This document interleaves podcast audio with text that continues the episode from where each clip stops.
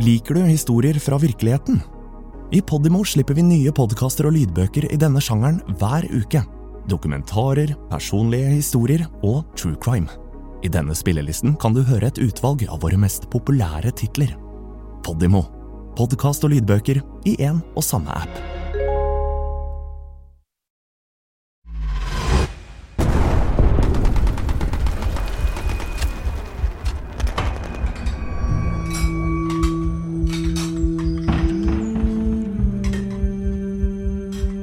Fra krigen i Afghanistan er soldaten Niklas så traumatisert at han ikke orker å leve. Jeg hadde sett og opplevd ting som han ikke kunne snakke om da, til noen sivile. Han inngår en pakt med moren sin om å holde ut til etter jul. Han var jo igjen der nede. Det var jo noe, det var et skall som var kommet hjem. Hvilke opplevelser fra krigen er det som har ført 25 år gamle Niklas så langt inn i mørket at selv tanken på å henge seg alene i skogen virker befriende? Hvordan skal han komme tilbake til et liv han vil leve? Pakten, en podkast av Simon Stranger.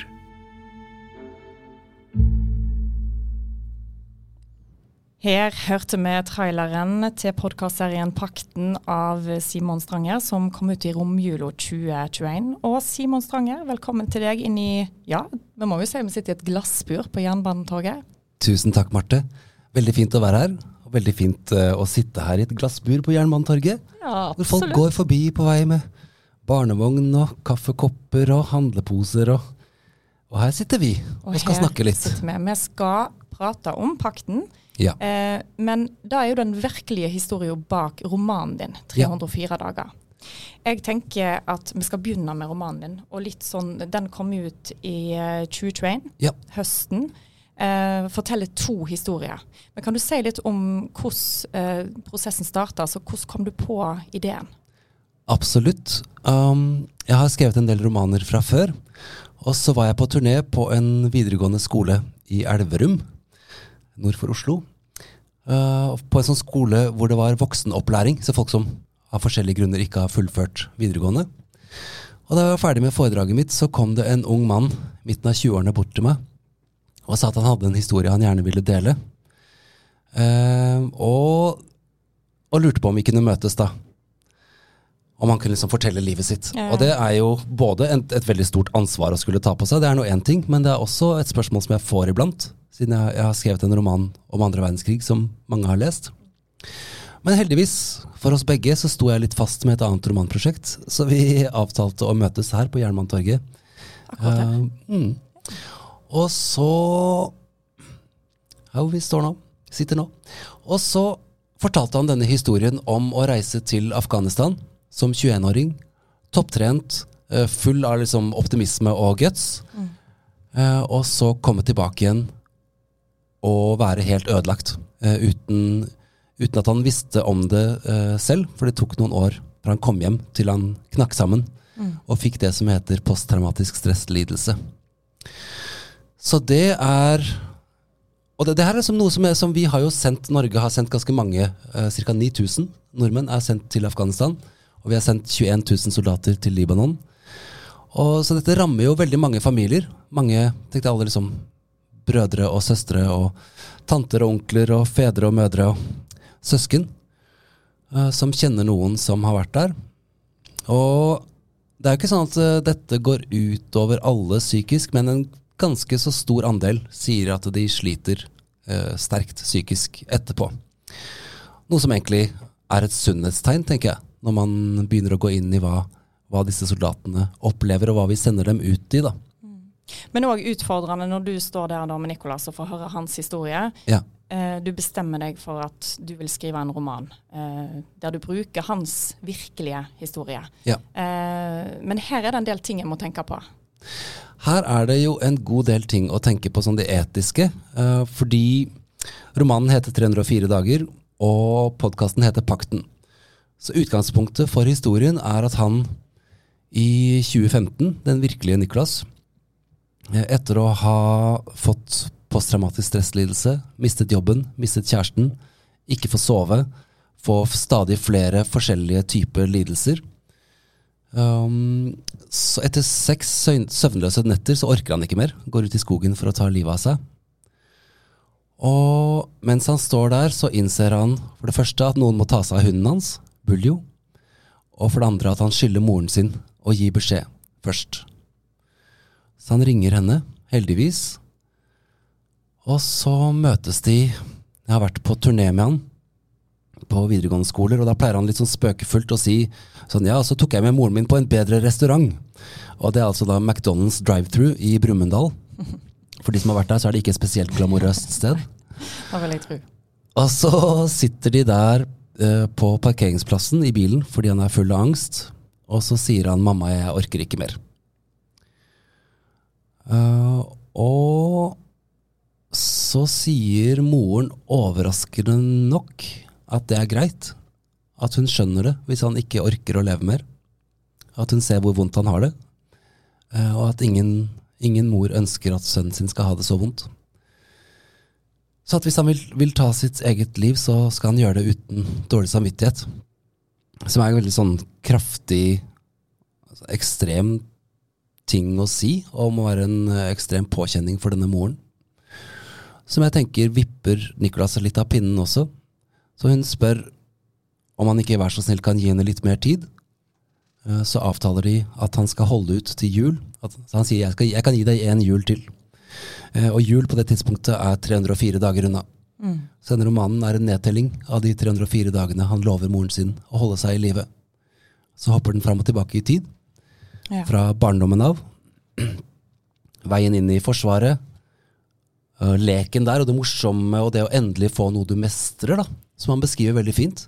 Endelig få et fellesskap, få noe han mestrer. Han er en mann med kraftig dysleksi. Og så den, det eventyret også, som det er å reise til Afghanistan. Og så de hendelsene uh, som, som gjør at han for det første holder på å bli drept, og for det andre får posttraumatisk stresslidelse senere. Da.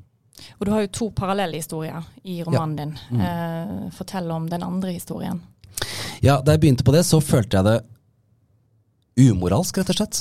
Å skulle skrive en historie, en lidelseshistorie om en norsk mann som reiser til Afghanistan og får livet sitt ødelagt, uten å måtte ta inn over meg, og få leseren til å ta inn over seg, hva som er det afghanske perspektivet her.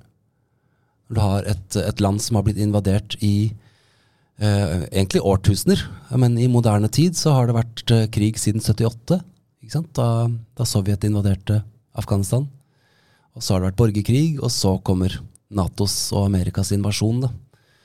Så hvordan, hvordan oppleves det? Um, og i, i gode gamle dager, holdt jeg på å si, så sendte man soldater ut mot hverandre på slagmarken. Og så var det soldater som drepte hverandre, men sånn er det jo ikke lenger. Så i moderne kriger så er, så er jo sivile, dessverre, en, en stor del av, av ofrene. Hvis jeg husker riktig nå, så var det mellom, mellom 2005 og 2019 så var det fem afghanske barn som ble såret eller drept i krig hver dag. Så det jeg bestemte meg for, var å begynne å intervjue eksilafghanere i Norge. Og så lage, forsøke å lage et portrett av en mann som ufrivillig blir med i Taliban. eh, Og som kjemper en motstandskamp, sånn som han ser det. da. Eh, og det er også basert på en historie fra virkeligheten hvor Nicholas eh, holder på å bli drept, hvor han er i et bakholdsangrep.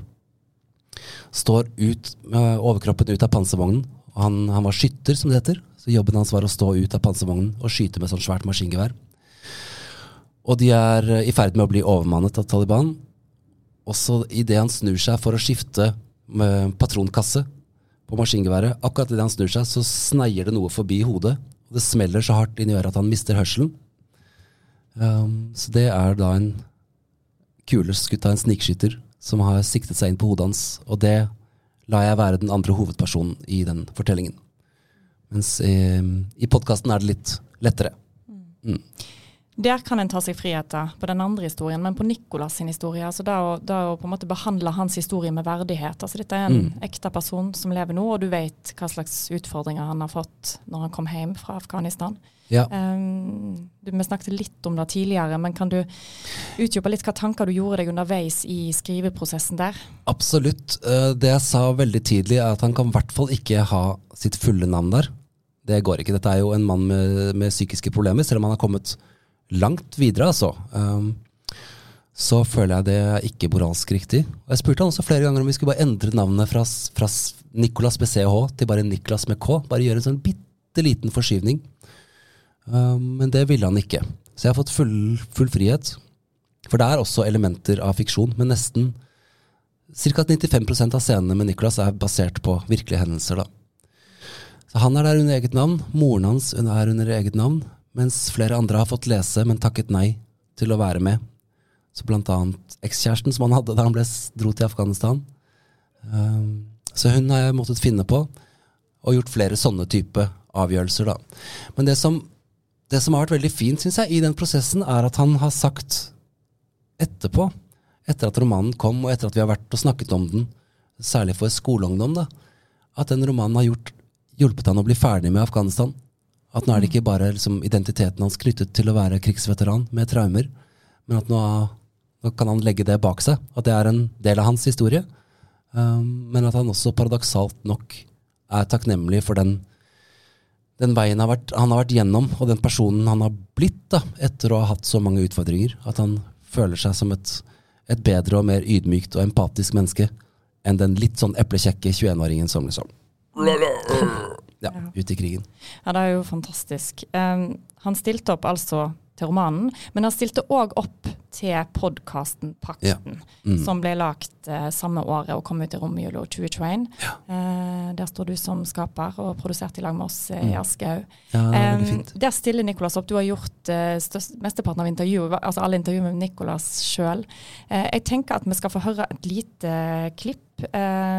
Litt Du reiser med i bilen, du kan jo innannonsere deg sjøl. Dere er på vei til samme plass der han skulle ut i skogen eh, når han hadde bestemt seg for å ta sitt eget eh, liv.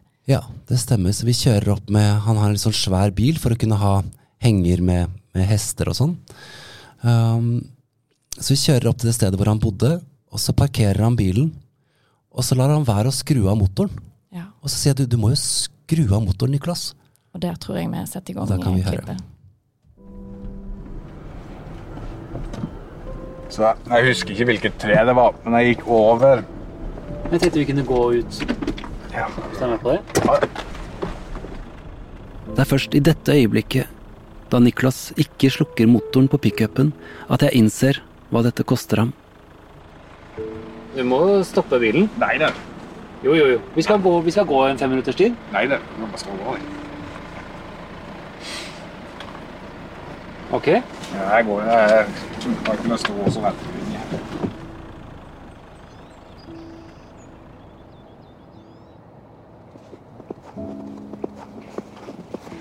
Jeg gikk inn i skogen her, på høyre side. Med klatretauet. Ja. Bare hvis jeg ikke husker feil, så var det nedi her. Denne plassen. Prøvde å se, jeg husker hvor det var.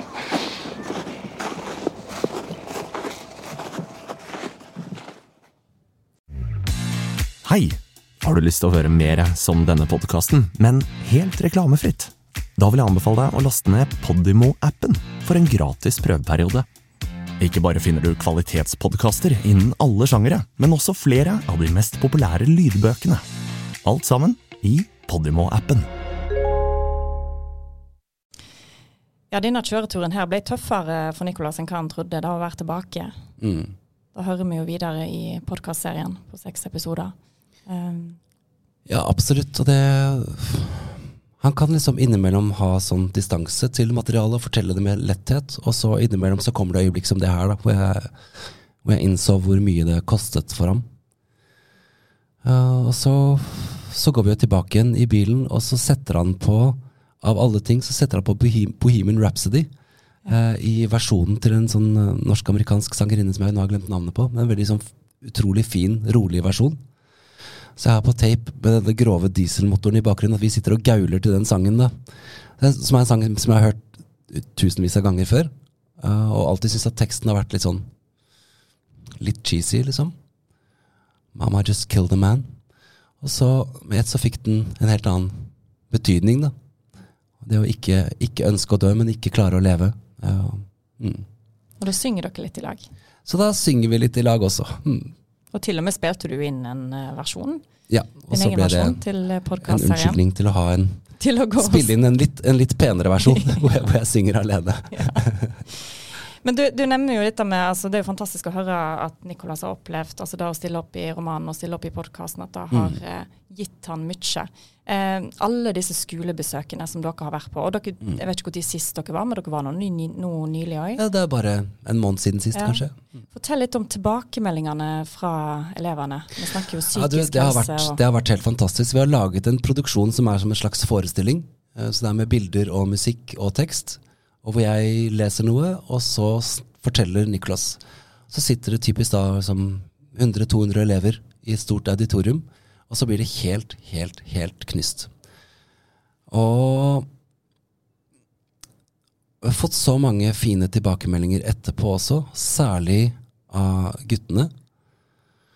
Så vi, vi pleier også Den romanen handler jo om, om så mye ting, eh, så mange forskjellige ting, men vi dreier det ofte inn mot, mot psykisk helse, uh, mot gutter. Hvordan selvmordsstatistikken i Norden er, uh, er veldig fæl. I Norge så er det over 600 mennesker som tar livet av seg hvert år. Og for, for unge menn eh, mellom 18 og 45 så er selvmord den største dødsårsaken av alle.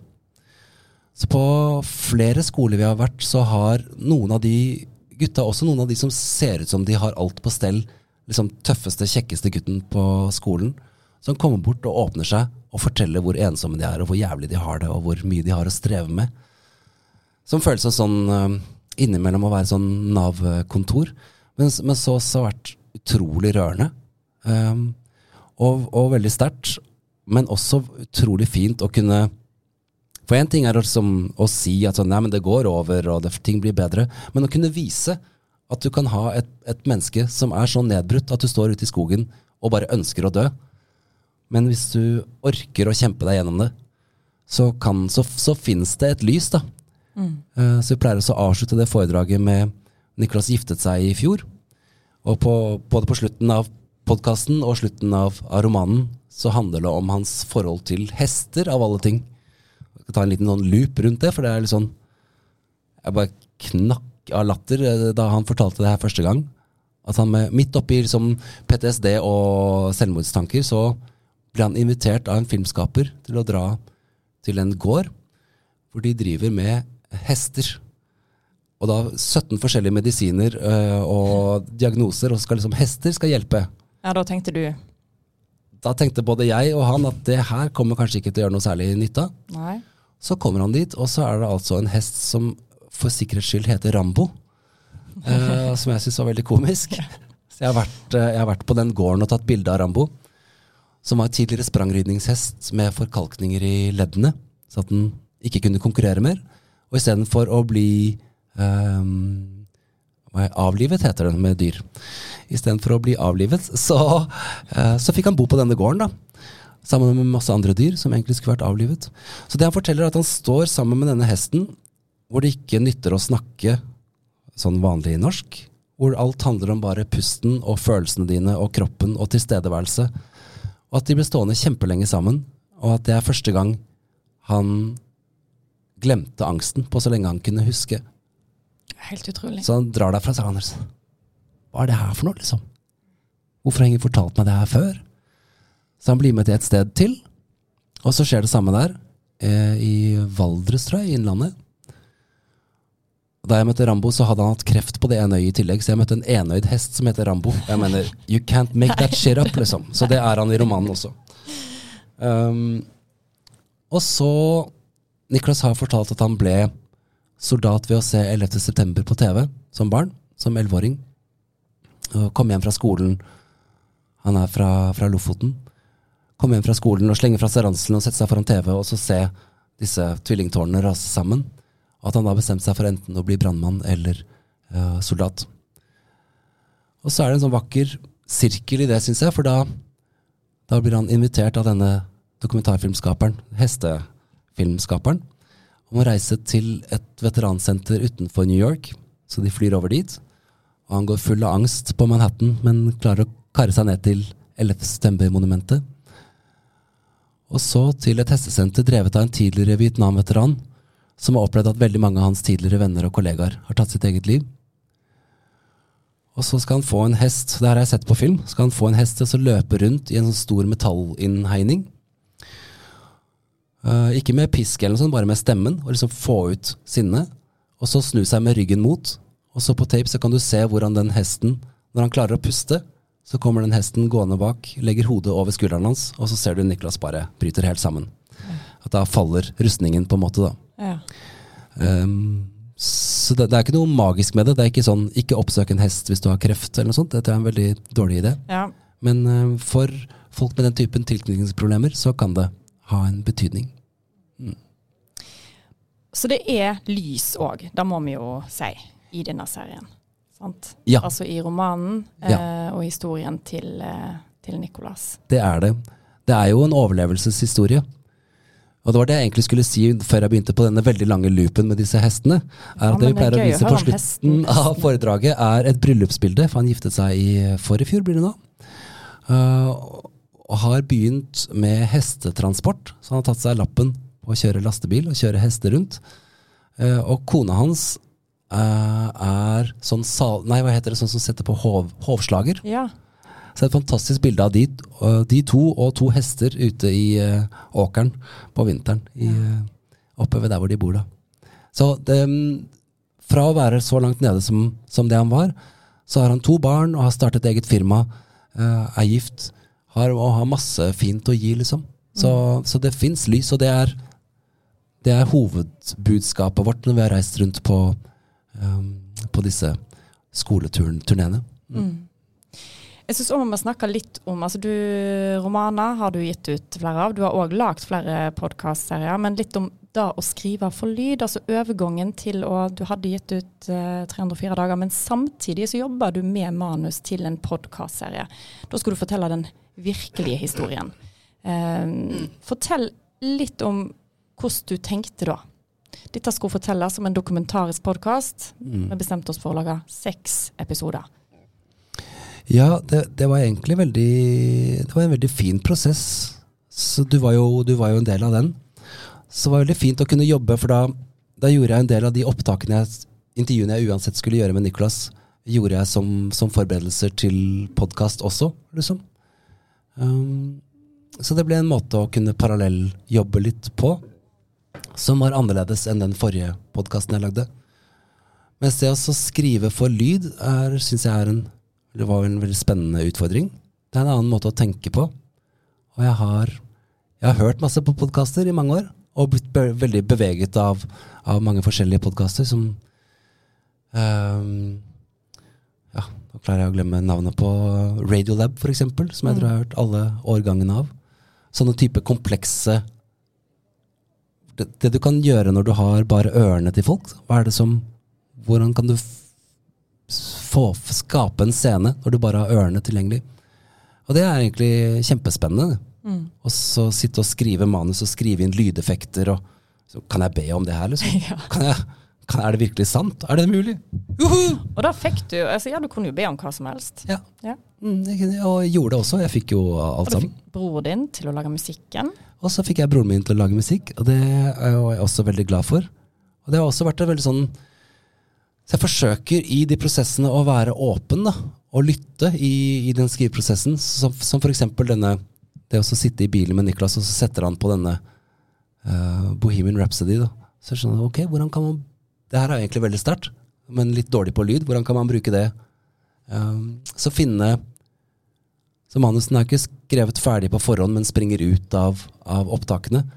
Men med, med den fordelen at jeg hadde en slags ramme uh, her, da. Jeg hadde romanen i bånn, liksom. Løyder der en kan akseptere litt dårlig lydkvalitet, så lenge det er så ekte og altså, Ja. det skje, skjedde der og da. Ikke sant? Um, så det er jo veldig sterkt øyeblikk Ja, eh, i er podkastserien når dere sitter der uh, i bilen. Eh, så selv om det er noe eh, Altså, ja, boka kom ut høsten 2021, Mm. 304 dager, og så kom podkastserien samme året. Så driver dere turnerer og, og snakker om uh, denne tematikken fremdeles. Og vil vel kanskje fortsette litt framover med det? Ja, uh, Nicholas har lyst til det, i hvert fall. Og det er liksom som fin tilbakebetaling også. Og, og delvis så føles det som viktig samfunnsarbeid, egentlig. Um, reise rundt og snakke med, med unge folk. Liksom få dem til å innse at det Hold ut, liksom. Men det er jo lenge siden du satt og skrev denne boka og skrev denne podkastserien. Og som Ja. forfatter så har du jo sikkert uh, veldig mange prosjekt liggende i skuffa di samtidig. Men jeg vet i alle fall at du snart er aktuell med en ny uh, roman. Kan du si litt om det som kommer til høsten? Det kan jeg absolutt. Um, så i 2018 så ga jeg ut en roman som heter 'Leksikon om lys og mørke', uh, som handler om andre verdenskrig. Og om min kones familie. Så svigermoren min vokste opp i det som var uh, torturkammeret til en som het Henry Rinnan. Så i den romanen så, så, så kona mi er fra en jødisk familie, og de ble reddet over grensen uh, og kom seg til Sverige, heldigvis ved hjelp av fremmede. Og alle i familien har alltid trodd at det var en gruppe som het Carl Fredriksens Transport. Som var grunnen til at jeg lagde den forrige podkasten, som heter Flukten. Eh, Flukten ja. Som handler om, eh, handler om denne gruppen på fire, eh, tre menn og en dame, som redder ca. 850 nordmenn over grensen i løpet av seks uker. Midt under verste jødeforfølgelsen. Ved å gjemme dem i eh, lastebiler, skjult under presenning. Um, og kjøre dem mot grensen og gå resten mens Donau, skipet, gikk rett her borte. Uh, alle i familien har trodd at familien til kona mi var blant dem. Så mens jeg lagde den podkasten, så fikk jeg en forsker på Jødisk museum uh, til å lese over sånn sjekke fakta, og så skriver han at det her stemmer ikke helt. Hun ble tvert imot reddet av en morder som en måned tidligere en grenselos da, som en måned tidligere drepte et jødisk ektepar sammen med en annen grenselos, senket likene deres i et tjern i Østfold, tok alle pengene deres, og så fortsatte å redde folk etterpå, blant annet, øhm, blant annet mormoren til kona mi og hele hennes familie.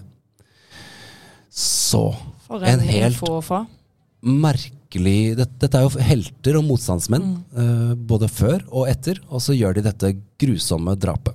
Hvorfor i all verden gjør de det? Så romanen heter 'Museum for mordere og redningsmenn'. og Det er første gang jeg sier det høyt her ute i en glassboks på Jernbanetorget, Forlansering. eller Ja. noe sted. Museum for mordere og redningsmenn, uh, og er laget som et imaginært museum av gjenstander, hvor hver gjenstand representerer en bit av denne historien. Så får man fram både, både den norske holocaust, eh, også denne flukthistorien, og dette veldig merkelige eh, og grusomme drapet.